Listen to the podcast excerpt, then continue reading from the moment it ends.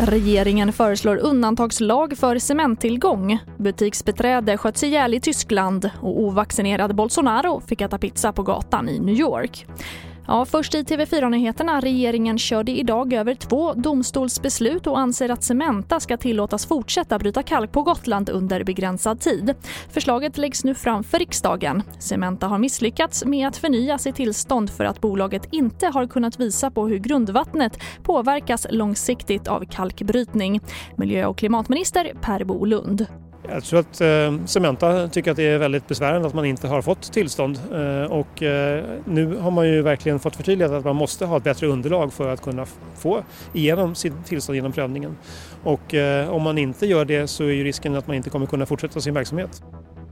Och sen till Tyskland där ett 20-årigt butiksbeträde på en bensinmack har skjutits ihjäl efter att ha begärt att en kund, en 49-årig man, skulle ta på sig ett munskydd till följd av coronarestriktionerna när han var inne på macken för att handla.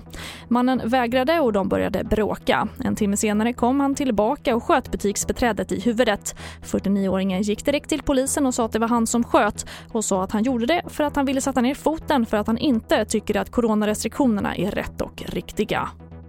Och vi avslutar med att under ett besök i New York fick Brasiliens president Jair Bolsonaro ta sin pizza to go. Orsaken antas vara att han inte kan visa upp det vaccinpass som krävs för att äta inomhus på stadens restauranger. Bolsonaro har tidigare kallat pandemin för hysteri trots att nära 600 000 personer dött med sjukdomen i Brasilien och skrutit om att han inte har vaccinerat sig. Trots det avkrävs inte världsledarna på vaccinbevis nu när de samlats i New York för FNs generalförsamling. Och det får avsluta den här sändningen och fler nyheter hittar du alltid i vår app TV4 Nyheterna. Jag heter Charlotte Hemgren.